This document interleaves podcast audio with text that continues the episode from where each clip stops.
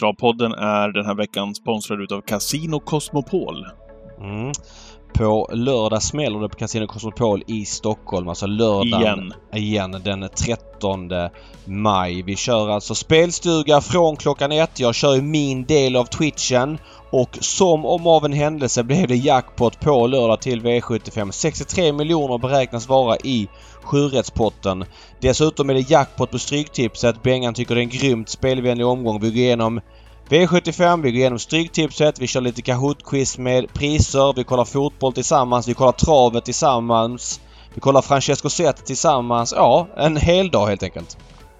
Och det är nu på lördag alltså. Välkomna till Casino Cosmopol, vår sponsor till Travpodden. Och glöm inte att det är 20 år som gäller, alla visar lägg. Och stödlinjen.se. Dit kan man också surfa in. Ska det bli svensk seger eller vad är det frågan om? What the horse, what the driver! Ja, men välkomna till Travpodden. Det här är avsnitt 147. Tror att jag sa det förra veckan, men det här är alltså avsnitt 147. Ja, du, du sa 145 förra veckan, det var 146. Okej, men nu är vi framme vid 147 och här sitter vi, jag hemma i Leksand, Dalarna David, du nere i Portugal och det vi har gemensamt, förutom att vi ska podda nu en stund här framöver tillsammans, vilket alltid är lika kul och trevligt, det är ju att vi har suttit och tittat på Solvallas tävlingar, och Jägersros också, men det var ju Solvallas tävlingar med eh, Meadow Roads lopp som fångade vårt intresse idag. Och vad var det för lopp vi fick se då? När Hail Mary vann på 1.09,1 och fixade en rosa Mm. biljett. Helt sjukt eh, travlopp. Alltså jag har inte följt tävlingarna alls idag. Eh, utan jag har sett något lopp på mobilen sådär. Men jag har inte spelat en krona. Jag är bortrest. Jag har inga andelar, ingenting. Utan valde att stå över helt och hållet. Och hade givetvis Meadow Roads lopp som höjdpunkt. Dels för att det var de här topphästarna men även då såklart för att det är direkt kvalificerande till Elitloppet. Och vilket travlopp vi fick se. Eh, äh, häftigt. Ultion Face stekhet i ledningen. Han blir det när man laddar. Funkar ändå helt okej över kort distans. Kommer i mål på en topptid. Eh, Brother Bill gör årsdebut. Går först i tredje en repa. Eh, går inte, inte alls tycker jag till vad det ser ut ett tag liksom. Men får fart under hovarna och när eh, Face stannar så blir det ju riktigt bra. Och så då Hail Mary som går, ner, går med i Brother Bills rygg och ja, avslutar sylvass. Jag har inte haft någon klocka igång. Loppet gick i mål för en liten stund sen så jag får klocka om det sen. Mm. Men eh, jättebra prestationer av de här tre. Ja, men det får man ge han. Kul att se Ultion Face tillbaka igen, att han har det där i sig. Han gjorde verkligen loppet där framme. Kul att se Brother Bill. Och där är han så kylig, Magnus Djuse, att han sitter och kör mot Örjan Kihlström. Jag tror faktiskt att han gör det, även om eh, Brother Bill alltid springer lite grann på sniskan i, i svängarna. Men jag tror faktiskt, helt ärligt David, att han sitter bara och bevakar Hail Mary Ja, och kör he- bara mot honom. Jag är... Helt enig. Ju mer jag ser det här sista 400 Ja, ja. meterna, ju fler gånger jag tittat på det, ju mer landar Ja men jag i det framförallt också. ännu, tid, ännu tidigare. Ja. För går han på 800 kvar som han normalt sett gör. Mm. Alltså om man inte har kanske loppets bästa häst i rygg. Ja men då, då, vet, då, då går han på 800 kvar och så kommer ner och, och liksom kopplar grepp på ledaren mycket tidigare. Men nu väntar han ju för att Örjan är ju sugen på att försöka stöta ut Magnus hela tiden. Men Magnus går inte på den utan sitter kvar. Ja, Mag- Magnus kör ju en klassisk Örjan också på bortre långsidan, Ja, för det är han ju känd för också med det här halvspår inom Ja, reglementet, om det finns någonting som heter så. Du förstår vad jag menar? Ja. Så är han Nej, ute liksom och spärrar vägen för Hail Mary och sen ger han full anfallsorder. Nu är ju Hail Mary kvickare sista 200, vilket avgör eh, 300 meterna i det här loppet, men ja, han kör ett, eh, ett fantastiskt lopp igen, Magnus Djuse. Vi ska återkomma alldeles strax till Finland, där han ju landade in en 5 plus eh, prestation som kusk också här i, i söndags. Mm. Nej men så är det. Nej men kul att eh, de här tre hästarna var bra. Hail Mary som ändå har funnits lite frågetecken runt. Jag menar han hade en tuff fjolårssäsong. Hur skulle han ta den? Det fanns lite frågetecken för skallen i slutet på förra året. Han gjorde en årsdebut som var väldigt bra. Eh, höll ändå undan för Million Dollar Rhyme där och då och fick ett tufft lopp men man kände ändå att ah, vad hade hänt om mållinjen var 30 meter längre fram? Nu var det inte det, men hur hade han sträckt på sig då? Men nu var det ju inga frågetecken och de två, nu fick ju han en Elitloppsbiljett och Brother Bill är ju såklart helt given i Elitloppet också med tanke på Mm. att ja, det är Nurmos bidrag. Nurmos som Solvalla-tränare har ju aldrig vunnit Elitloppet faktiskt. Har ju, haft, har ju faktiskt sett till hur otroligt framgångsrik han har varit Ja, i, bland, i övriga lopp. Aldrig vunnit Elitloppet. Jag tror inte han har vunnit Sprintermästaren heller. Han har alltså uselt facit på två lopp samma dag. Eh, Ja, just det. Det enkelt. där har du pratat om tidigare någon Mm. gång, tror jag. Precis så. Så att eh, det är ja, nu är det klart att Sprintermästaren klarar sig nu utan att ha vunnit men, men Elitloppet vill jag nog hemskt gärna vinna. Ja, det vill han. Eh, och i nuläget har han, när vi sitter här och poddar, plats 12, 13, 14, 15, 16 kvar att eh, fylla efter att Hail Mary då har tagit platsen här idag. Mm. Och, och då har du ju Brother Bill då på plats 12. Och sen har du Mm, 13, jag ser honom 14, som 15, helt 16. given. Ja, så har du 13, 14, 15, 16 som ska in där också. Ja, 16 blir Gävle så det är 13, 14, 15. Eh, det är väl rimligt att Ultion Fes Är det inte kul bland dem. med en, med en Colgjini-häst, ja, precis. Jo, men inte för att det är Colgjini specifikt. Nej, men alltså, det, jag det, gillar ju Colginis och sådär. där. Men det är bra för spridningen av vilka elithästar vi har idag. Det är mö möjligt att Redén skulle kunna ha fler men det skulle vara i så fall Brambling om han går exceptionellt bra. Men det måste mycket till för att Redén ska få med en tredje för spridningens skull. Och där hade Colginis och Ultion Fes så han är väl sannolikt då på 13. 14, 15 kvar. Jag vet inte. Nu, nu höftar jag lite. Vilka skulle det vara? Eh, Det är Chapuis vi har pratat om. Han galopperar ju i och i Paralympiatravet i lördags och vi fick aldrig syn på honom vilket nog var bra för hans del. Och du, Annars det du, du är inne på det. Hästarna, det är ju de som är givetvis det, det de ska ha kvalat in på. Men det går ju inte heller att bortse att det är en Colgjini med som är med och stimmar upp eh, allt med marknadsföring, hela det här surret som kommer igång.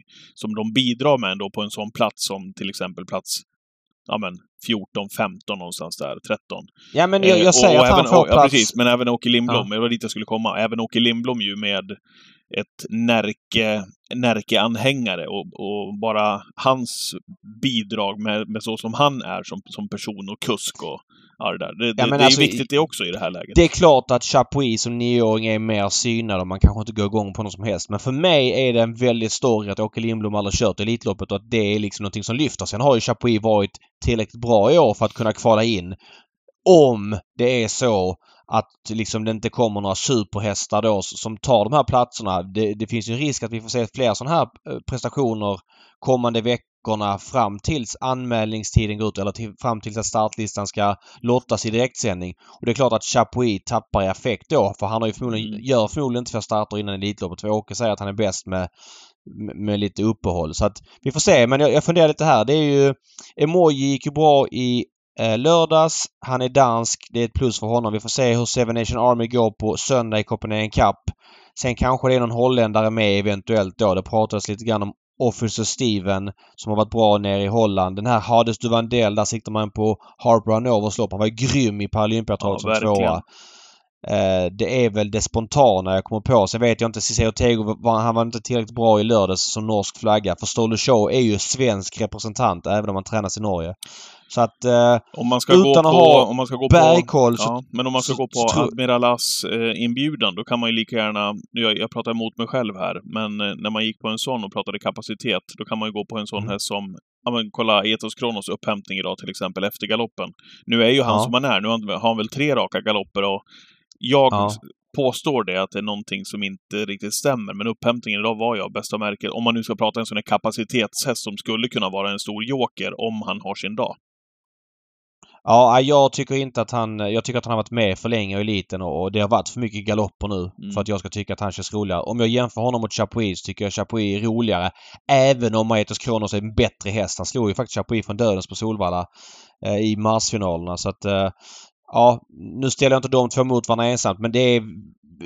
I ett Elitloppsekipage så är det väldigt mycket mer än att vara kapabel som krävs liksom. Det finns ju andra faktorer så att eh, vi får se lite grann eh, hur det blir men ehm, ja, de jag pratar om spontant slåss om eh, sista platserna. Nej, det blir häftigt att, att följa det där i alla fall. Du var på plats eh, på V75 nu på Åby i, i lördags. Hur var det?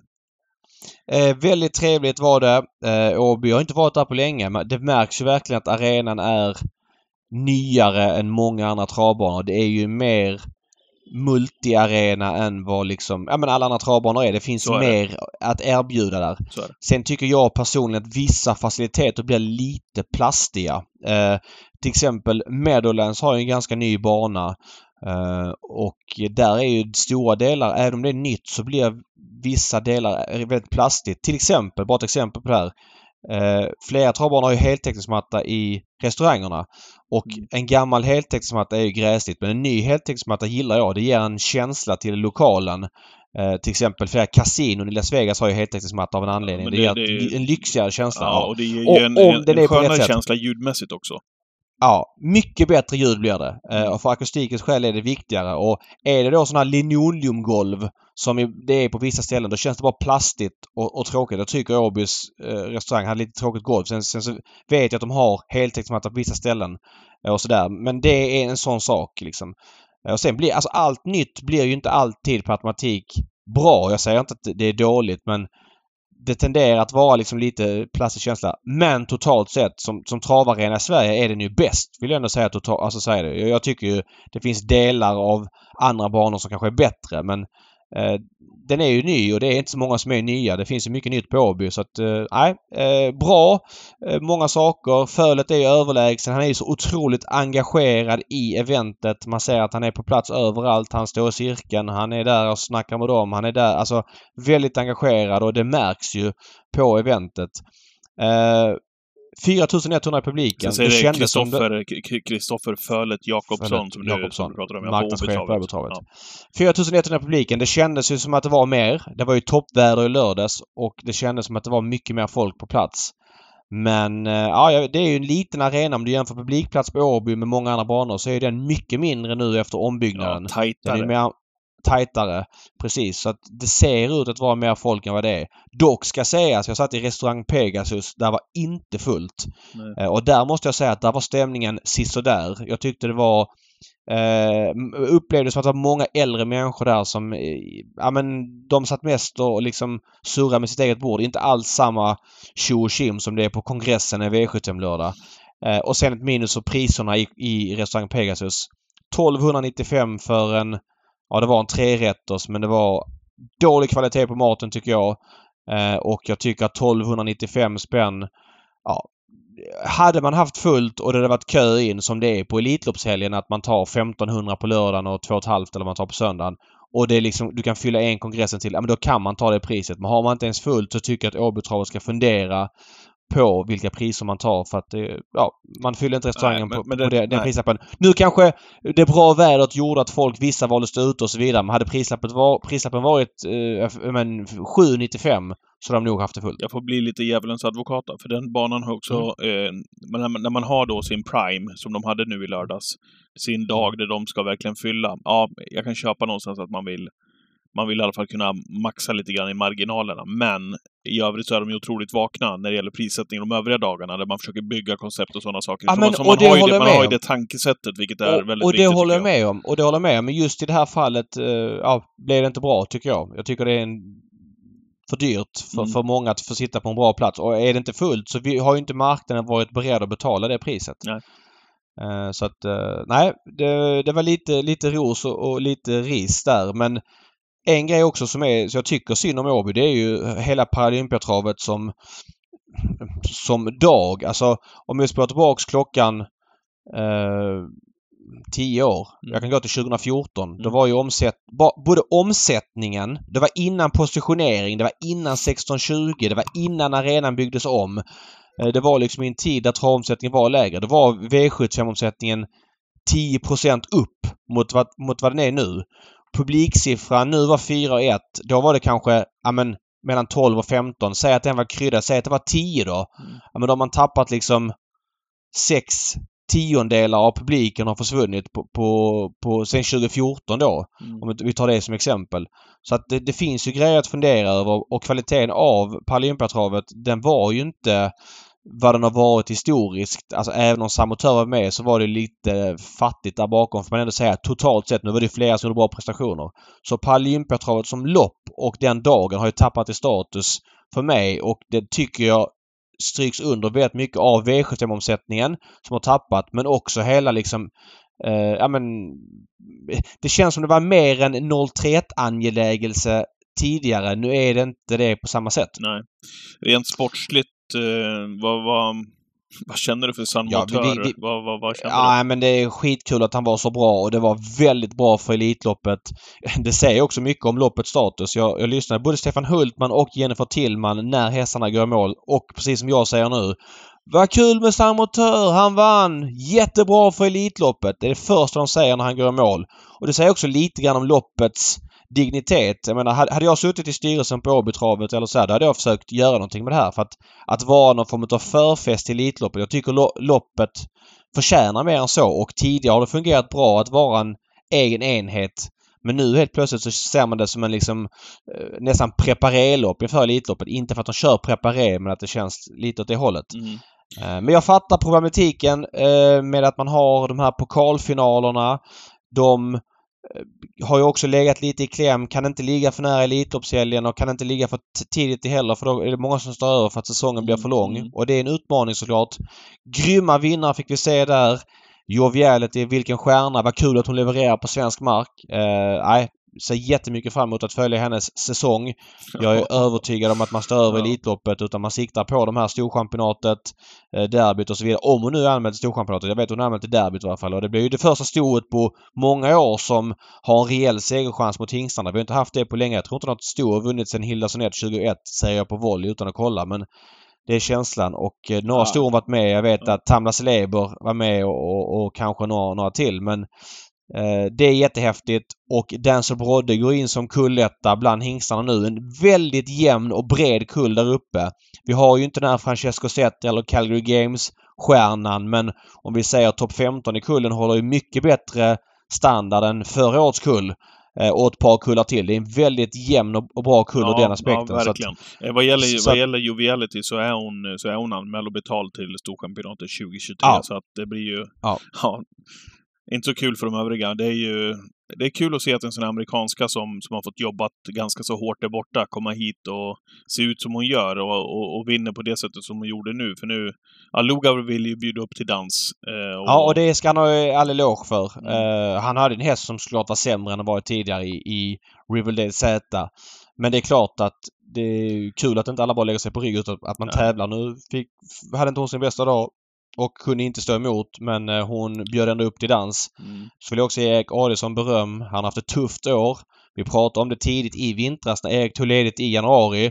Han har haft tufft att komma tillbaka. Det är bara att titta på antalet styrningar han har. Han kör mycket mindre tränare och framförallt kör han sämre hästar än tidigare. Ja, eh, det är svårt 168 för- starter när vi pratar just nu eh, under 2023. 14 segrar, en segerprocent på 8.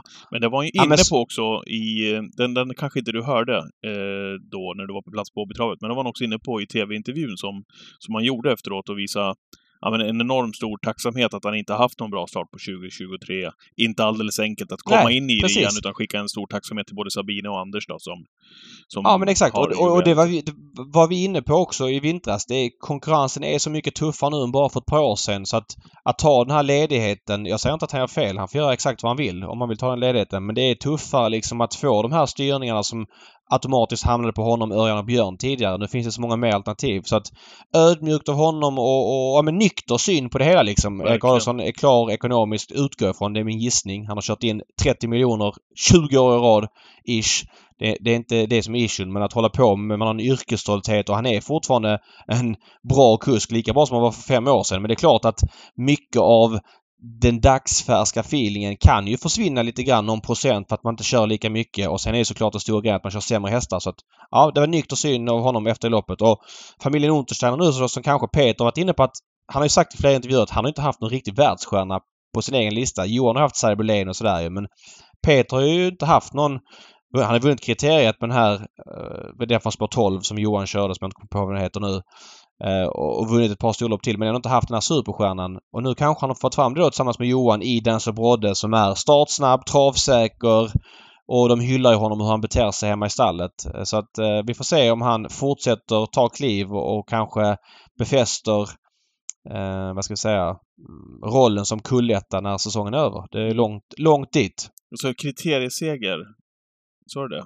Mm. Johan körde en, en, en Peter-häst som vann från Sport 12. Han körde ju också Konrads epilog. Mm, det var en E3-final, kort E3-final E3-final. uppe på Romme det för Ja, 200 det var det. sedan. Det är ännu mer länge sedan. Han Ja. vann till 140 gånger. Exakt. Han vann kriteriet från Sport 12. Ehm, ja. för x antal år sedan. Hittade du inte den? Jo, jag försöker kolla nu för det, jag blir ju lite... Ja. Santis, tror den hette någonting. X, no, no, bokstaven X gör sig påmind. Eh, just det, Chatham Express 2014. Så hette den. Chatham Express, Chatham Express. 2014. Ja, Express. Ja. Mm. Eh, så är det. Ja, eh, det var fina prestationer i övrigt och, och V75 landade ju som sagt på 500 kronor eh, i utdelning. Det var, låg ju i farans riktning om man säger så. När man kollade Ja. till omgången innan också. Det kom, det kom ju inte som någon skräll med tanke på att vi hade både Joviality och Sandmotör. Nej, så är det. Och eh, så får det vara ibland på V75. Eh, kortvis Eh, bara om det- Sandmotör här. Vi kan ju landa in i det om en liten stund här också. Men vad tror du om två lopp för honom på Elitloppshelgen? Var, var, vart, vart sätter du in Sandmotör någonstans? Nej, kapacitetsmässigt i, i den absoluta toppen. Eh, men det är klart att jag tror inte att två hit är ett plus och då är det inte bara att jag tror att att han inte tål två hit, för det tror jag han gör. Däremot så har han galopperat en del. Eh, jag tror vi pratade om det förra veckan. Galopperat fyra gånger på 21 starter inför helgen. Då har han startat 22 gånger och galopperat fyra gånger fortfarande. Men han galopperade när Björn laddade med honom på Bjerke i Ost Grand Prix förra året. Ja, Det är klart, i Elitloppet kan du inte hålla på och ge bort längder och så vidare. Det är kort distans eh, och sådär. Så att, Aj, vi får jag, se. jag, måste säga Eh, det att när vi, när vi sitter här tillsammans David den sista söndagen i maj här så är jag mest Mm. nyfiken på, ja men givetvis vill man ju först att de ska kvala in då till finalen, men hur ser han ut i provstart, i förberedelser inför finalen sen när han har gått där hit när vi vet också att Håkan, Håkan har sagt tidigare att han är, det är inte bara att starta, starta, starta med honom. Nej, nej men så är det. Vi får se Eh, lite grann. ja, alltså, och så, som sagt, han är Elitloppsfavorit när vi pratar just nu och eh, ja men det ska han väl vara också. Men eh, jag kastar mig inte över honom spelmässigt med tanke på, på den historiken. Men jag är väldigt glad att han var så bra i lördags och att han kommer till Elitloppet liksom Mm. eh, ja men i det här skicket och att han har varit, liksom, haft ett bra genrep. Då är förväntningarna höga och det ska de vara också. Vill du landa i det senare, vilken som är din favorit, eller vem som du har mest känsla för just nu, eller vill du ta det här? Nej, jag, ty jag tycker det är så jämnt. Jag har ingen direkt jag har känsla för nu. Nej, du har inte det. Den jag Nej. spelar, det blir ju en ren oddsfråga såklart. Mm. Eh, Och sen är det mycket som handlar om Francesco. Om han är med, ja då kör Örjan honom. Vem kör Fanucci i så fall? Och så vidare. Jag tror ju inte att Francesco kommer att dyka upp. Eh, Men man vet ju inte. Han startar här på Umeåker så vi får se lite grann vad som händer nästa vecka. Det spelar ju väldigt stor roll i, i helheten. Mm. Så att ja, nej, det Och- finns och mycket det, om det men Jag har gjort många, några Det finns inte så många som... Ja, det finns några va, Nej, jag, har jag har gjort några spel ska jag säga. Jag har gjort några spel men jag har spelat alla till ganska höga odds innan de bjuds in och så vidare. Spelade Horse Dream till 20 gånger, spelade Fanucci till 9 gånger, spelade Hail Mary till 14 gånger. Oj, oj, oj! Har du, har du Mary till 14 gånger? Ja, jag har spelat... Eh, eh, vad har jag mer spelat? Jag har spelat någon till. Till något högt. Bramling till 210 gånger. Nu går han... Jag trodde att Redén skulle välja Gävle med honom. Och hade han då kvalat in från Gävle, då kan inte Malmö säga nej till honom. Så att då hade han kunnat vara med. Det var ju Nej. långsökt såklart. Vilka är det som eh, inte står så högt i status? Det är väl Go Boy har jag svårt att se vinna i alla fall. Det måste jag säga. Ja, men, men, men alltså Horsey Dream blir lite bortglömd nu för han har ju tävlat med skor på slutet och folk glömt bort hur bra han var. Han var nog Prix d'Amérique-toto-favoriten. Avslutade fyra i de här B-loppen. Ja, Horsey Dream, 200 ja. meterna. Ja. Ja, Han står väl i 16 gånger ungefär nu Ja. eller något liknande. men Go Boy tror jag får tufft. Ja, ja Boy kanske för tufft men Horsey Dream kommer fylla på till, till de här oddsen som har blivit nu igen faktiskt. Vad heter Just Believes kusk nu? Ja, jag har glömt bort det. Ses väl som chanslös va? Men kul, kul flagga. Eh, I övrigt då? Eh, ja men du! Eh, såg du söndagens tävlingar? Ja, absolut. Stole the Eh, från, show ju. Från Värmo. Stole the show Stole the Show vann. Jag är väldigt glad att han hann dit och att Global Beware inte vann från ledningen. All respekt för den hästen så vill jag hellre se Stole the Show i Elitloppet. Eh, och hade spelat Stole the Show också ska sägas. Så att det, var lite, lite pricken över i ett. Eh, ja, vad ska man återigen, säga? Ja, men vad man ska man säga där? Jo, man ska säga att Magnus Djuse står för en, återigen, en helt sjuk styrning alltså. Det Ja. är eh, snack om att väga, väga loppet in i minsta detalj hela vägen. Det är, ja, det är så, han är så skicklig för dagen så att, eh, och att han, att han gör det i den åldern han är i nu så är han uppe liksom och levererar på det som, som Örjan Kihlström och de här har gjort i, i, i 30 år. Det är, Ja. Det är helt sjukt faktiskt, för att han kör... Det, så loppet, det loppet han kör med, med honom är... Han sitter och bevakar också Alessandro som sitter kvar där bakom en Begurion Jet och han har koll på ledaren och... Ja, det är... En, det är en fröjd att se honom faktiskt. Ja, och så kör jag mycket mot Don Fanucci Zet som sitter en bit ner i kön. Men med Don Fanucci inbjuden, där var inte Örjan superintresserad på att ge honom ett genrep med tredje spår sista 900, jag messade lite med Örjan efter loppet och Örjan sa att han kändes jättefin. Det är klart han blir lite svårbedömd formmässigt när han liksom inte har gått i botten på, ja men sen i Prix d'Amérique i princip, eller Prix de France. För han har ju fått det här loppet nu på boll, nästan vann på 11 blankt. Det, det, han såg fin ut och kändes bra men det är klart att man ser att Ja, konditionen vet man ju inte hur, hur den sitter där med tanke på att den var bit i botten. Men, och samma sak här. Han gick bra till slut. Ja, han gör ju det. Det går inte att ta liksom någonting där. Max. Nej, och varför ska nej, han maxa nej. med honom där? Utan nej, bara nej. känna att allting är i sin ordning. Om han blir trea, fyra eller femma eller... Det har nej, ju ingen betydelse. Det spelar ingen roll. Och vi ska komma ihåg när Don Fanucci vann Elitloppet eh, för två år sedan. Då, eh, då, då genrepade han ju just i Bert Johanssons eh, Memorial genom att gå i ledningen och Hail Mary gick utvändigt och han vann ju med nos Fanucci. Då kommer jag ihåg snacket gick där. Oj, oj, oj, han kommer vara helt chanslös i Elitloppet. Bla, bla, bla, bla, bla. Men mm. på de två veckorna gick han från att vara ja, rätt sådär på Umeåker till att vinna liksom via tredjespår sista 600 på 8 och 9. Ja, så att, eh, jag tror att Daniel Redén vet hur man ställer i ordning honom. Sen är det ju såklart ett litet frågetecken är att han är sju år. Hur är hans stridsvilja sista 50 meterna. Det finns inget som tyder på att den inte är 100 men sett att den är 7 år så är det inte orimligt att den kanske är lite sämre än för två år sedan. Men det får vi inte svar på förrän just i Elitloppet. Så det är också Nej. lite inbakat i oddsen kan jag känna. Ja, inte så orolig för Don Fanucci sätt måste jag säga. Jag tycker att han såg, såg jättefin ut i den där avslutningen. Um. Ben Gurion Jetta kördes ju lite passivt av Alessandro. Jag tänkte varför går han inte på? Men det vart ju med facit i hand så vart det ju rätt för Ben Gurion Jetta också som har fått några tuffa lopp i, i sin karriär. Nu fick han ju gå med bakom eh, Stole the Show och spurtade jättefin som tvåa. Eh, mm. Men där, där har ju också Alexandro redan eh, Elitloppshäst med ja. ju, så att det, det är väl och, då, svårt att och se. på tal om det, vi snackade Elitloppshästar tidigare. Vi nämnde aldrig Vanessa Griff som vann på 9 1 från Dödens i lotterian. Så att mm. eh, Ben Gurion tror jag inte... Ja, men han är inte med i pipen. Han var inte tilltänkt som Elitloppshäst från början. Han har varit okej okay, men han måste ändå visa mer för nu är det så pass bra hästar vi pratar om så att jag, för mig är han ute ur leken. Eh, annars så, så är det ju faktiskt eh, man, man sitter ju bara och garvar det hemma när det, när det är gul show. Det var gul show i, i Finland. Han har ja, men det har varit sådär. Det har varit någon som floppade. Ja, men det var gul show de floppade i, i också. Ja, i lördags floppade de väl på eh, Åby, skulle jag vilja säga. Eh, det var ju ändå höga förväntningar, men Emil Persson som gästade oss för några veckor sedan, han lyfte fram tre hästar ju. Det var ju den här Dragons Bar där den vann ju enkelt på Värmo i söndags. Även om han såg lite trög ut, Gocciador fick dra tussarna där. Mm. Han hade som, här... man, som man alltid gör, David, på de här hästarna. De här vita, stora tussarna. Det känns som att han håller på ja. alla hästar. Ja. Och sen idag då på V86 så hade han ju um, da Danao Deglidé som vann på 10 och 4 från dödens. Det var ju den andra av hans tre klassklättrare och den tredje var ju Celias som startade V86 eh, 8 och, och gick jättebra som tvåa bakom då Balotelli som var jättebra då i mm. sin tur. Så att eh, de har verkligen levererat de här tre. Men det gick tyngre för dem i lördags. Ja, ja, ja, ja Denver Gio vann ju också. Eh, till 10 gånger ja, klinket lopp, här lopp, i, i söndags lopp 12. Också. Ja, och så vann han, vann han lopp 12 på Åby, men det var några som floppade där under dagen i alla fall. Eh, och, och, det är fler som kommer att göra. Men, Jimmy men... Ferro var ju, var ju rätt kass. Eh, mm. Eller kass. Han var inte lika bra som gången innan. Nej. Och Clarissa var ju jättefavorit och iskall. Och där måste vi även hylla Imatra Ham utanför V75. Hur bra var inte hon? Ja. Hon såg fantastisk ut. Eh, och gjorde ja. sitt bästa lopp i karriären får man väl ändå säga.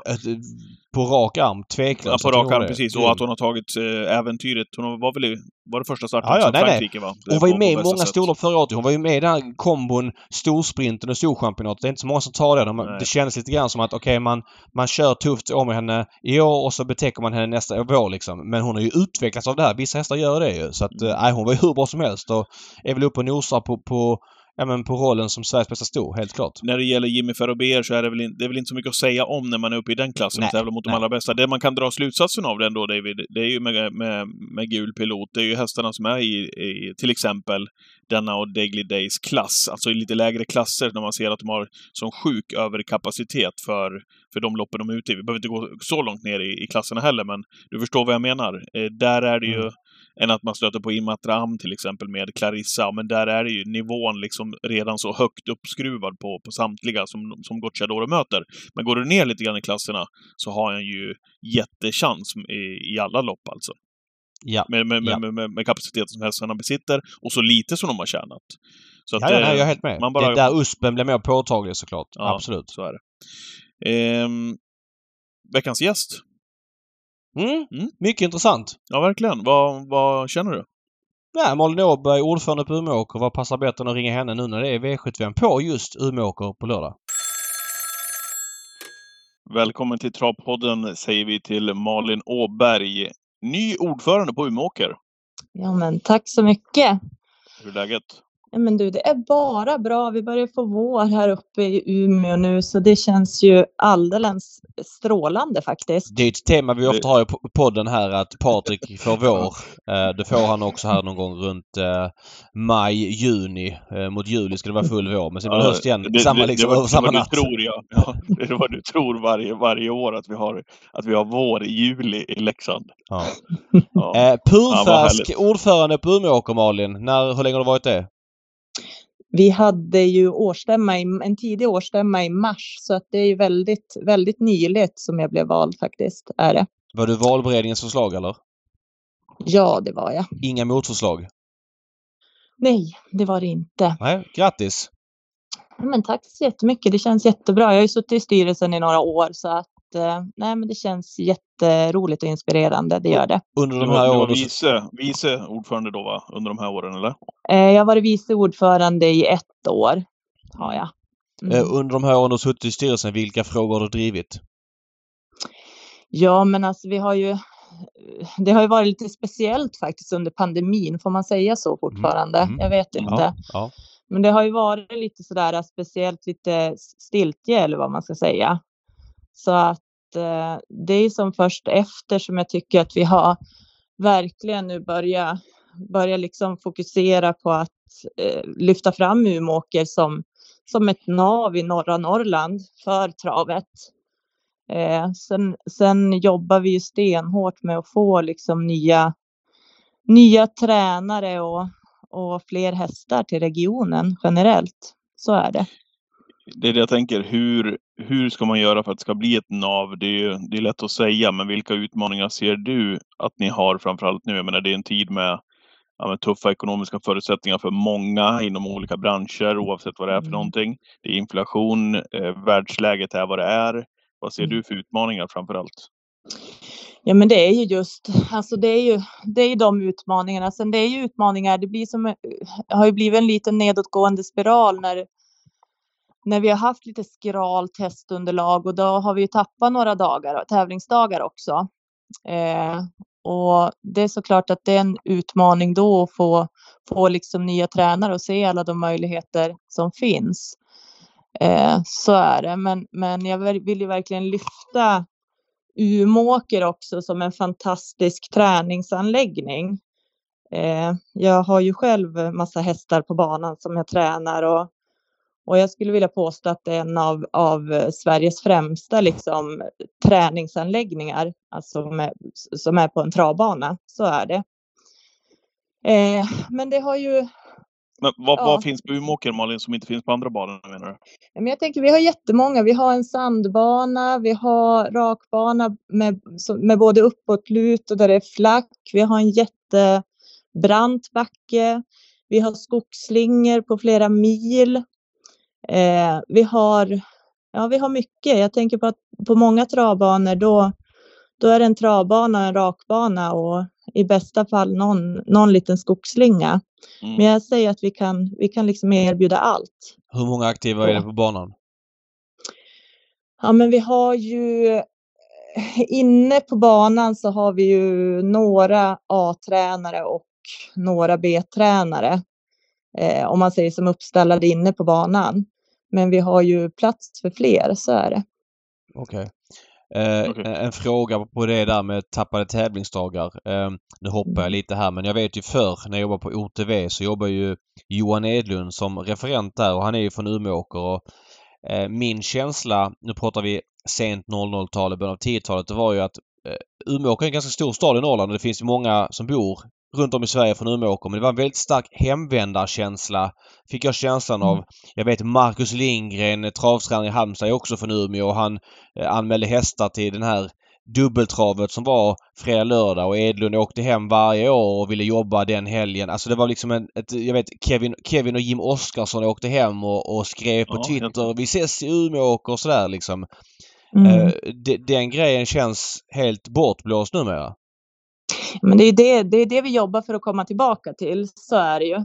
Vi, vi jobbar verkligen för att liksom stärka den här äh, gemenskapen och vi-känslan och stoltheten över Umeå och Umeåker.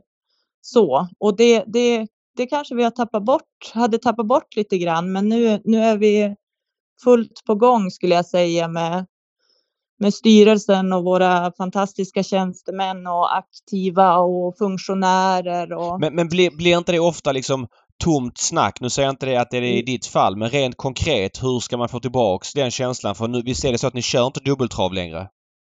Nej, vi kör inte. I år kör vi inte dubbeltrav.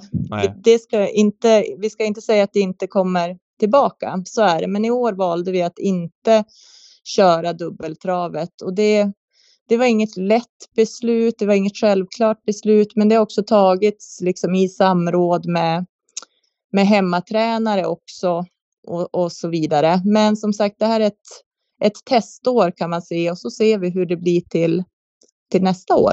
Men hur var trenden här då?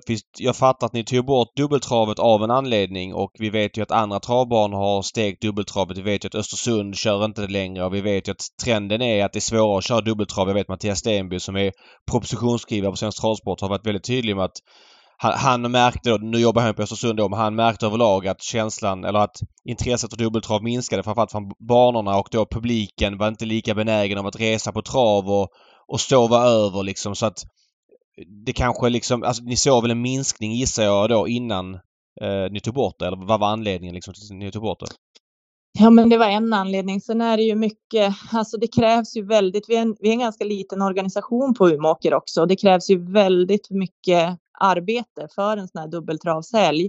Och då liksom satsar alla järnet eh, till hela helgen och när fredagen är slut då är alla liksom, ja, då har det tagit mycket på krafterna och då står man inför den absolut största dagen på lördagen.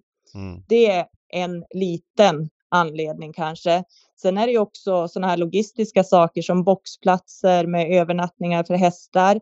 Sen handlar det också om starttillfällen för, för hemmatränare, tänker jag. Eh, att sprider vi ut dagarna så, så ger vi mer möjligheter till våra hemmatränare att, att få med sig pengar hem. Mm. Så är det ju. Jag fattar. Jag fattar. Men Vilka, vilka affischnamn har du nu på Umeåker alltså som du kan liksom jobba runt då, liksom och, och lite så? Hur ser det ut just nu om man bara går in lite grann på den biten också, på tränarbiten, kuskbiten till exempel? Ja, men tränarbiten, då har vi ju exempelvis Mats Gellerstedt som jag skulle säga är en av de bästa kallblodstränarna i Sverige. Så är Ja. det ju, som vi är väldigt, väldigt stolta över som det går otroligt bra för. Eh, sen har vi ju väldigt starka B-tränare också. Eh, Katarina Norqvist med From the Mine. dammsugarhästen. Ja, dammsugarhästen har vi kallat för hästen Va, för. varför, va, vad har ni kallat, varför det? Han var med i Jämtlands stora pris ett år och eh, tror jag det var. Det var något storlopp, någon V75-dag och då så eh, var han väldigt het inför tävlingarna och, och, och liksom, ja, var, var het i loppet också. Och anledningen till att han blev het var att de dammsugade i ett stall bredvid där han stod så att han blev helt galen och det var Katarina Sneöver så efter det har vi kallat honom för dammsugarhästen. Ja, kort och gott. Det ju inget, Ja. inget mer än så liksom. Ja. Mm. Mm, nej, men sen är vi ju som sagt, vi är på jakt efter nya tränare också. Vi för dialog med några också som eh, där vi har kommit eh, ganska långt i dialogen där vi har, har liksom höga förhoppningar Kan du säga något namn? flytta. till- Eh, nej, jag kan tyvärr inte säga något namn just nu. Nej, jag fattar. Men- Men ni raggar tränare kort och gott? Ja, det gör vi. Det Ja. gör vi. Det är ett aktivt arbete. Det är så. För vissa banor gör väl det lite aktivt också. Eh, men, men, men, men kanske inte säger det rakt ut. Men, men du är öppen med att ni raggar tränare? Jo, men så är det. Så är det. Ja. Helt klart. Fattar. Ja, det där är spännande. Eh, vad säger du om er största dag nu då? Eh, det ni flyttade den var ju i slutet på april tidigare.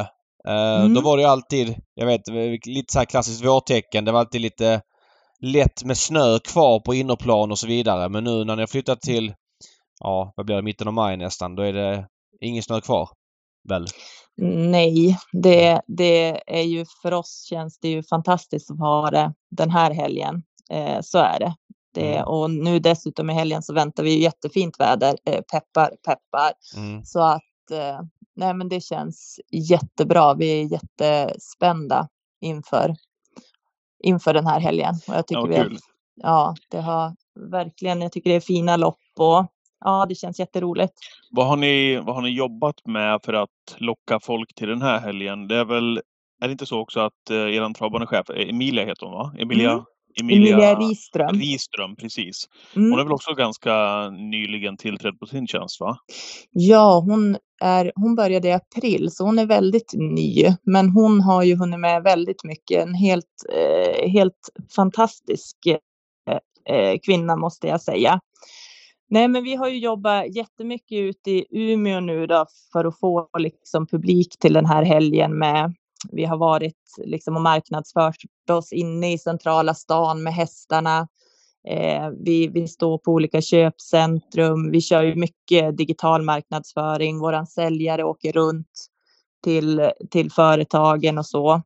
Eh, och vi, vi lockar liksom med ja, men barnland, med, med glassbilen. Ja, men ni vet de här klassiska mm. sakerna.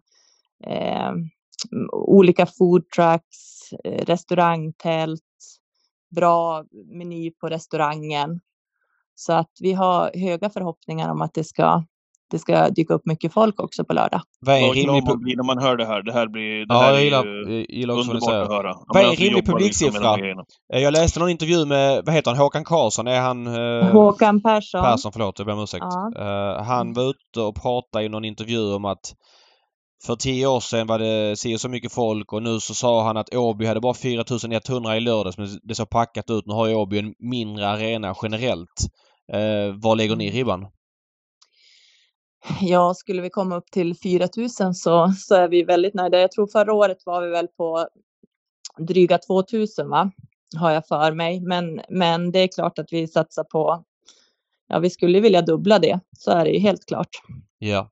Tänker jag. Det är väl rimligt. Sen, ja det, det är svårt att veta. Eh, så är det. Förra året hade vi lite dåligt väder och så där också. Mm. Och så sen så får man se hur, hur det lockar nu igen med, med de här stora travdagarna som sagt efter pandemin och så vidare. Eh, en grej där som ni borde kunna sälja på tycker jag utöver att eh, det du sa det är ju att ni har en av världens bästa hästar som kommer till er. Hur glad, Eller blev, hur? hur glad blev du när Daniel Redén stekte Patriks Rättvik? Rättvik har fått mycket skit här, kommer jag på nu. De var ju missade den här stordagen också där Romme fick kvarka och så Redén liksom hintade. Ja men papp, papp, jag kommer. Nej, jag skiter i det. Jag kör Umeåker istället. Eh, och valde er Ja, det, istället. var, det var ju jubel. Det, ja, men det känns ju helt fantastiskt. Vi har ju gjort också en, en film just kring, just kring att Francesco kommer. Mm. eh, som vi kör i, i sociala medier och så också. Mm. Så det känns ju otroligt roligt att få en, en sån världsstjärna till oss. Mm. Eh, och att han väljer det, det måste man säga. Eh, det, Det var som någon sa, vi, vi, hade, vi hade städkväll igår på Umeåker. Och då var det våran referent som sa det att han, han är ju som en annan ras. Alltså han är, det är så coolt att han kommer hit. Mm. Det är Så på, är det. på plussidan att han kommer, helt klart. På Mm. minussidan är ju själva loppet. Bert Johanssons vet du, pokal eller memorial. Memorial. Memorial. Ja. Eh, är ju ett lopp för femåriga hästar. Eh, Mm. brukar kunna vara lite skiktat. Men i år Mm. slår det väl alla tiders rekord där det är fyra deltagare i loppet och loppet hamnar utanför V75. Eh, du säger att ni raggar tränare till, till banan. Har ni ingen Mm. sportchef som raggar hästar till era storlopp? Frågetecken. Jo, absolut, men det blev ju som sagt, det blev fem hästar i loppet. Ja, fem, förlåt, eh, förlåt. slutligen. Ja, Ja. men det, det är ju inte, det känns inte alls roligt och då har vi den här. Ja, det är ju en, en eh, tråkig historia tycker jag att alltså det är ju. Det var ju 12 hästar anmälda. Det är ju mörk anmälan givetvis, så det var ju 12 hästar anmälda till loppet till några, några minuter innan anmälningstiden gick ut och då det plockades bort sju hästar. Och då utan att veta liksom till 100% kan man ju tänka att det är en tränare som har, har anmält för att skrämma bort. Eh, så är det ju. Och det känns ju eh, jättetråkigt att behöva tänka den tanken. Men, Eh. men, men Och det, och det, sannolikheten det, här, det här får det inte du så. veta va Malin? Förlåt att jag avbryter. Men det, du, du får inte veta det här va? Eller att, Vilken Nej. tränare det är? Nej. Nej, det får jag inte veta. För, för att på ämnet, vi var inne på det här för några veckor sedan. Det här kom upp som en nyhet för mig eh, när Travronden gjorde en intervju med Mattias Djuse och han mer eller mindre öppet berättade att han hade tagit bort hästar. Jag tror det var vårfavoriten eller om det var vårfavoriten för ston. Och det blev Mm. väldigt få hästar och han hade dragit bort, jag vet inte om det var fem i sista sekund. Och, eh, Ronden gjorde intervju med honom och då beskrev han att han var förbannad på tävlingsprogrammet också. Jag ska inte lägga någon värdering eller hänga ut honom för det men då gick det upp för mig att det här är tydligen ett par tränare som sätter det här i system. Och Mm. jag, jag, det var det mest korkade jag hört på extremt länge hur man kan liksom förstöra för hela sporten och tänka så pass Mm. egoistiskt bara för att man då ska få någon häst som kommer med och, och kan bli trea istället för fyra och slippa motståndare. Snacka om att såga Mm. av den gren man sitter på. Tänk om vi hade fått Francesco Zet på V75. Alltså Å ena sidan är det kanske bra att han inte startar på V7 även om han hade varit fullt fält för att det är dubbel jackpot. Man vill att det ska vara svårt spelmässigt. Men det är klart, hade det varit fullt så hade det funnits ett värde i att ha honom på V75 också. Ja. Nu sabbar ju tränaren hela den möjligheten rakt av genom att plocka bort sju hästar. Om det nu är så i det här fallet. Mm. Nej men exakt, det är precis som du säger att, att eh, jo men man såg av den, den gren man, man sitter på. Det, det är som sagt inget, inget brott mot reglementet men det är ju inte så klokt gjort. Så är det och det är jättesynd. Det är jättesynd för hela sporten och ja, för, för oss det är jättesynd för Umeåker att det blev så här också. Så vi, det är såklart att vi blev besvikna över, över att det var så. Så är det. Och, och Mm. dessutom så vet jag att vi hade ju två andra hemmahästar som, som skulle ha eh, anmält som om det inte hade då varit 12 hästar anmälda och så vidare. Så att nej, men det var jättetråkigt. Men vi försöker liksom se det positiva att vi har, ja, men vi har fått, vi får en världsstjärna till oss och vi har Mm. andra väldigt, väldigt fina, fina lopp. Men, men, Eh. men vet man David eh, och Nej, jag, jag vet inte. Jag hade gladeligen berättat om jag hade vetat om det. Jag vet inte i Mm. nuläget. Nej men alltså vet man att det är en, en tränare som tagit bort så många hästar eller, eller fick man nys om att, eller fick man veta att Francesco skulle gå ut Nej, och var bort ju- av den anledningen? Nej, det var annonserat ju tidigare. Det sa ju Daniel Redén Ja. redan för... Ja men det var ju långt innan anmälan och då var jag inne och kolla. Ja, okej. Då var det ju Ja. två anmälda när Francesco var anmäld och sen så tog det någon dag till. Sen var det ju många anmälda liksom. Då, då, Ja, men nej, Ja. men och, och, och som sagt, vi, vi kan ju inte veta till 100 procent, men, men som sagt, en kvart innan så var det 12 anmälda, för då gick, gick jag själv in och kollade till, gällande en av mina egna hästar Mm. och eh, då tänkte jag att nej, men det är inte lönt att anmäla, men sen då, då helt plötsligt som sagt togs det bort sju stycken på en och samma gång så att med lite, alltså sannolikhetsläran säger Ja, nej, nej, kanske att nej. det Eh. är, inte, det är inte flera tränare. Eh, Håkan Persson sa i intervjun att man skulle ta upp det här imorgon i något sportråd. Jag tror att Svensk Mm. Travsport är inkopplade. Va, vad kommer du skicka med för passning till honom att ta upp på det mötet? Nej, men det är ju just hur, hur ska man tänka kring det här? Och, och jag tänker så här att risken är väl att man måste göra någon sorts eh, ändring när det gäller anmälningar. Eh, och det kanske är någonting som kommer att drabba, som kanske inte kommer att bli till det bättre. Och jag tänker också, jag tycker det är synd för att jag tycker att det är många som liksom säger att ja, men det är så många regler och det finns regler för allt möjligt. Men jag menar, det, jag tänker att när folk gör så här så, så behövs det uppenbarligen mer regler Mm. på något sätt. Och det, nej, det blir jättesynd. Ja, nej, jag kommer gå vidare med det här faktiskt. För jag, jag, tycker att jag tar kraftigt ställning i frågan som konsument av travsport. Jag menar vi har brottats Mm. med tunna fält här nu i ett par år. Solvalla gick ner från, ja vad var det, eh, 80-ish tävlingsdagar till 60-ish. Har fått mycket bättre eh, fyllnadsgrad i loppen. Eh, och, och, Mm. och vi vet ju att det här är ju både omsättningshämmande och liksom färre vill titta på det och, och det sabbar hela travet Mm. rakt av. Och då är det några i, Mm. i andra ändan av det här som har satt i system att, eh, att göra så här för att det ska gynna dem själva. Och det är ju verkligen på marginalen det gynnar dem. Det är ju att de kan ja, få då ett bättre kanske andra, tredje, fjärde pris eh, då eftersom det är mindre ett tävlande. Så att totalt sett så är det ju så idiotiskt. Jag har aldrig hört något så korkat. Men vi får se var det här landar i varje fall. Mm, absolut. Eh, Du nämnde kortis där bara Malin, er referent. Du, då tänkte du på Malin Axroth va? Ja, hon som hade sagt det om Francesco Zet. Jag måste bara säga det för jag eh, plussat för henne här i podden. En så otroligt duktig referent. Så det känns lite Mm. grann som eh, banan som satsar på, i en mansdominerad bransch, på dig Malin som ordförande, som VD, är hon väl, eller travvårdande chef kanske, eh, titeln är. Eh, och så då Malin och så är det väl Karina också med i tornet va? Är hon speaker? ja Carina är Ja. speaker. Ja, kul. I en mansdominerad bransch så är det, är det kvinnorna som gäller på Umeåker. Det är kul. Ja, det är, det är spännande. Så är det. Det är roligt. Mm. Eh, men V75-omgången blev väldigt rolig och så fick ni den här Mm. dubbla jackpotten som blev trippel jackpot kan man säga när Värmos omgång i söndags eh, inte hade eller det hade för många vinnare så det blev jackpot på 500 där. Vad, vad tycker du om V75-omgången som helhet? Men jag tycker vi fick, eh, alltså vi är jättenöjda. Det är, det är vi. Jättefina lopp och jättefina hästar som kommer.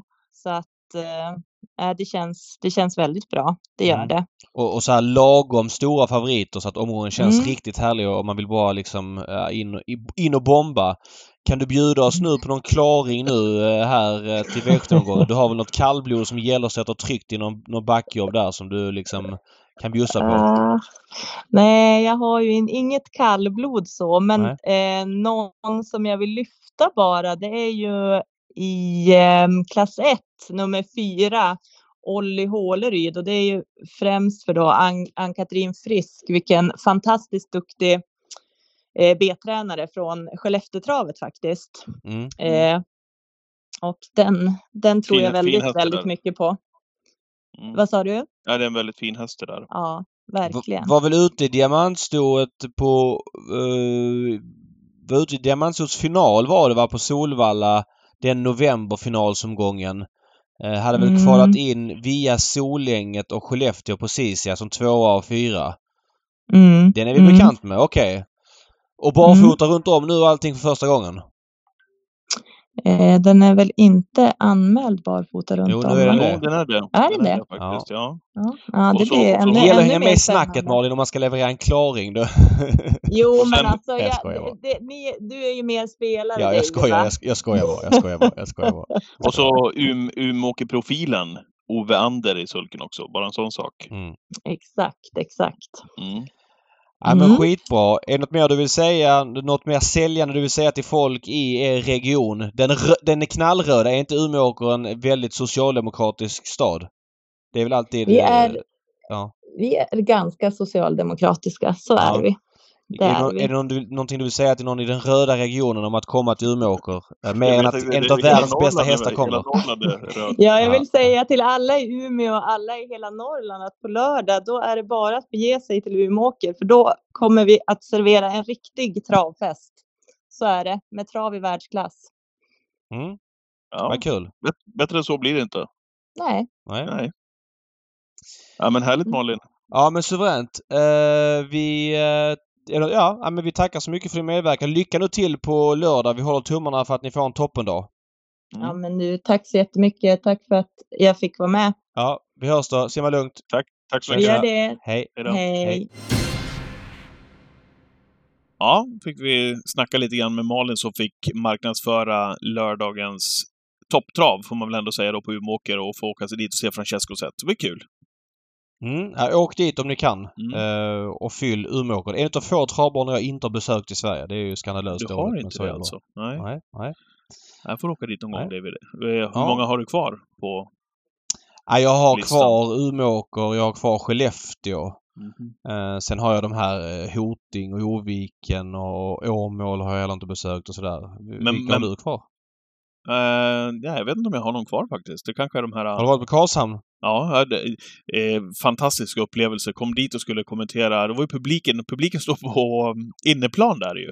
Mm, mm, mm. Eh, och eh, kom dit och skulle kommentera. Så jag har varit i kommentatorshytten någonstans. Där, i lastbilen. Satt uppe i, eh, i själva hytten då. Liksom där, i, nu hade de satt upp en, en monitor uppe på instrumentbrädan där i tv-bussen. Satt jag där och så såg jag live kanske en liten frame av banan på bortre långsidan. Annars satt jag i hytten och kommenterade. Det var också en upplevelse faktiskt på Karlshamn. Mm, mm. Ja. Boden har det varit i va? Ja, ja. Där jag, varit. jag var där den dagen prinsessan Victoria gifte sig. Eh, Mm. Det var 2010, 19 juni tror jag det var. Och eh, jag gjorde V75 då. Det var en speciell dag. Vi körde V4 på lunchen 1, 2, 3, 4. Så hade paus hela dagen. Så var V75 Ja, på kvällen. det. Ja. Helt stört. Magisk bana. Ja, ja, verkligen. Och vi ska tillbaka dit i sommar. Vi återkommer till det längre fram i den här podden. Ja, det ska vi. Eh, Umeåker ja. lördag. Har du någon spik?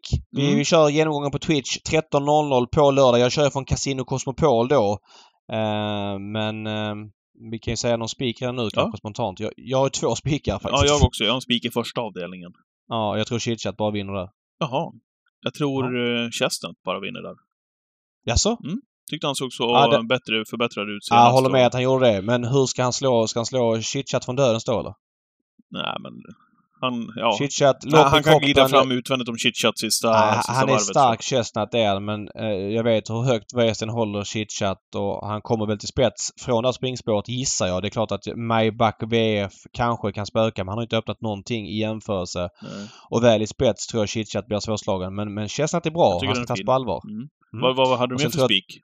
Jag tror Brambling har bra chans i guld. Vi såg som han flög fram. Vi har väntat på honom länge. Eh, Jag pratade om honom förra våren mycket. Det var nästan så att folk tyckte jag var dum i huvudet eftersom jag nämnde honom som Elitloppskandidat och trodde på honom. Men jag tyckte att han var så otroligt fin där på Färjestad i, i prins Carl Philips eh, jubileumspokal på Färjestad. Och, ja, men, eh, och jag vet hur nöjd Örjan var. Det kändes som att han hade fått fyraårsången spoilerad och sådär. Att det skulle utvecklas. Men det gick troll i maskineriet efter det. Kanske för igen det nu. Nu gick han ju bra senast år på Örebro.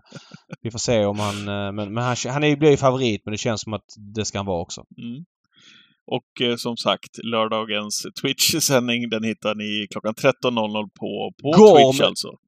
Gorm går barfota och bike. Han sprang ju 20 och 9 med jänkarvagn förra året. Det känns som att han kan gå riktigt fort eh, med de här förutsättningarna. Mm. Eh, Han har gjort det två gånger Ja. med barfota och bike. Ja, en gång. Just det. Ja. Ja, Precis. Ja, men vi mer om Twitch på lördag. då. 13.00. Eh, går man in där så ska ni få senaste nytt då. Eh, och du är på plats då på kasinot alltså. Kan man hänga med dig där Ja. också och vara med i Twitchen om man vill. Ja, med och Bengan och flera andra från Gambling Cabin. Det blir en jättetrevlig dag.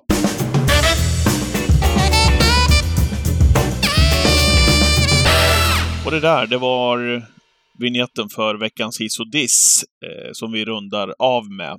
Eh, och jag ska dissa lite grann, tänkte jag. Mm, kör. Eh, och det var i söndags, satt och följde V75 då, eh, tävlingarna, eh, några utav loppen i alla fall där och hade Ja, jag ska inte säga att jag hade läst på, men jag hade skummat igenom listan i alla fall i och med att vi hade det här Stole Show-loppet att se fram emot. Ehm, Mm. Och blev tagen på, på sängen måste jag säga, när man eh, sitter då och följer sändningen och får veta då att storfavoriten i dagens dubbels första avdelning, V75 6, som också vann loppet, Mandela Zon, hade startat på torsdagen alltså. Mm. Eh, och det här loppet gick i söndags. Och den här eh, torsdagsstarten, den fanns, fanns inte med i... Den gick inte att hitta i resultatraden. Gick inte att titta Nej. på. Vi hade inte en susning om att den hade startat på, i, i Finland. Ehm, Nej, det, det, och det är klart, när- det får inte hända när vi, när vi spelar V75 och omsätter så mycket pengar som, som det ändå gör även en, en, en söndagstävling på, i Finland, så får inte det ske. Eh, nu vann hästen och det där, men det, det känns otroligt lalligt och jag vet inte hur det ens kan bli så att, att, det, inte, att det inte slinker med en halv rad där i alla fall. Jag vet inte. nej. Jag man får man Det starta på dåligt. V75 med halvradens? Ja, skitsamma. Men Ja, det- totalt det- sett det uselt. Men jag läste att ATG har koll på, på det och Svensk Travsport och, och det ska inte ske igen. Men, Jaha, men det var dåligt att det hände. Ja, det, Ja. det, det, det får inte hända på V75. Det, det, inte någon gång egentligen, men verkligen inte på V75. Nej, nu var det ju den lägsta V75-omsättningen någonsin i söndags. Eh, Mm. Så att är det någon gång, det får hända så är det väl då. Men nej, jag håller med dig. Eh, Min tur att hissa. Jag vill hissa Anders Malmrot och jobbet han har gjort med Elitloppet i år. Jag tycker att han har kommit totalt rätt på det. Det är klart att det behövs mycket tur i en sån här grej. Det behövs att folk vill komma till Elitloppet. Det behövs att rätt hästar vinner de här kvalloppen, de här loppen som jag egentligen inte gillar men nu har lärt mig få leva med. Eh, det behövs ju såklart ja, men en massa andra faktorer men även fingertoppskänslan från han och att bjuda in vid rätt tillfälle. Eh, att kunna bjuda in Hönek i lördags som lopp, eh, häst nummer, vad är det? 9, 10, 10 va? Tror det var. Alltså Hönek som är en av de mest spännande hästarna. Nu får vi Jag se tror att Hönek har. var, var väl nia, va? Skitsamma. Ja, i, i, i lördags. Mm. Eh, och han ska gå alltså då med jänkarvagn på, på Elitloppssöndagen. Hoppas nu att han är bra i genrepen och så vidare. Det är en utav hästarna som känns mest spännande. Nu drunknar han ju i liksom att det är så många bra hästar som presterar. Vilket gör att, hade du frågat mig i januari så han har varit etta på min lista. Nu kanske han då är fyra, femma. Men jag är jättespänd på honom. Och, och tajmingen har blivit jättebra för Malmrot i år. Eh, det är klart att man lär sig med åren och så vidare men nej, det känns som ett något verkligen extra med Elitloppet i år. Effekten av prispengarna då, David? Ja, det måste jag ta upp också. Det höjdes ju förra året första gången till 5 miljoner. Då tyckte man förra året ah, det fick inte så mycket för pengarna och så vidare. Men nu kanske vi får det. Att det är 5 miljoner har ju absolut gjort att någon extra häst dyker upp eh, av de här från utlandet. Och, nej, det är en grej som vi verkligen får betalt för nu. Lite kanske retroaktivt eftersom det är år två. För många trodde att det skulle bli en en direkt höjning liksom, eller en direkt effekt av det. Men 5 miljoner känns givet i Elitloppet nu. Lätt att säga när man inte är den som pröjsar. Mm. Men vi får effekt för pengarna. Totalt sett så känns Elitloppet i år som något alldeles extra. Ja, men precis. Jag längtar så, så mycket. Jag skriver under på allt du säger David. För mm. I och för sig är jag rätt allergisk när, vi all, när, när man hör det här inför Elitloppet. Där det, ja, men är det inte bättre än någonsin? Och den här är med och den här är med. Ja, fast det, säger, men, det var länge sedan man sa ja, det. Men ja, men man, man, kan, man kan se det lite titt som tätt i alla fall. Men, men ja. lyssna på det här. Sun Motor, Horsey Dream, Etonon, Vivid Wise Us, Just Believe med Greg Sugars, eh, mm. Örnas Prins, Go On Boy, Don Fanucci Set, Hönek, Stole the Show, Hail Mary. Det är de som är klara just nu. Så kan vi väl lägga till Brother Bill här inom kort. Eh, ja. Och så om vi har, om, om, om alla stjärnor står rätt då, Francesco sett, då, nej men, gisses alltså. Ja, då, då, är det, då är det bäst vad jag kan minnas. Ja, det är klart att är det, det, är svårt att jämföra år till år. Vi, vi har ju inte den här Bold Eagle-hästen, den här som var 1,90 favorit Nej men det här är ju något annat. Det här är något annat. Men det är något annat. Men, exakt, det är något annat och vi har ju så många bra hästar med så många olika förutsättningar. Alltså, jag klarar mig jättebra utan en jänkare. Eh, när det ser ut så här. Så att totalt sett så känns ja. det grymt. Och det, och det är ju rätt sjukt att man kan säga också att vi klarar oss faktiskt utan, de, eh, utan Francesco Zet också, även om det givetvis skulle vara det, ja, pricken över. Ja, jag klarar mig absolut eh, bra, ska inte säga, utan honom, för det är en grym häst. Ja, men med tanke på underlaget vi har sig, Absolut. Och, och Malmö har ändå liksom lite kort kvar att spela med de här platserna som finns kvar. Det, det känns som att det är trångt in och det ska det vara också. Och jag lyfter på hatten för hela Elitloppet. Mm. Härligt! Det ja. var veckans podd det där. Eh, när kommer du hem till Sverige igen? Jag flyger hem torsdag kväll 19.20, landar sent torsdag eh, och sen så ska jag plugga V75 i dygn konstant för att vara på topp till Umeåkers omgång på lördag. Mm. Bra, då tackar vi alla mm, lyssnare den här veckan också eh, och välkomnar er på Twitchen på lördag. Annars hörs vi igen nästa vecka igen. Vi säger tack så länge ifrån Travpodden. Hej hej!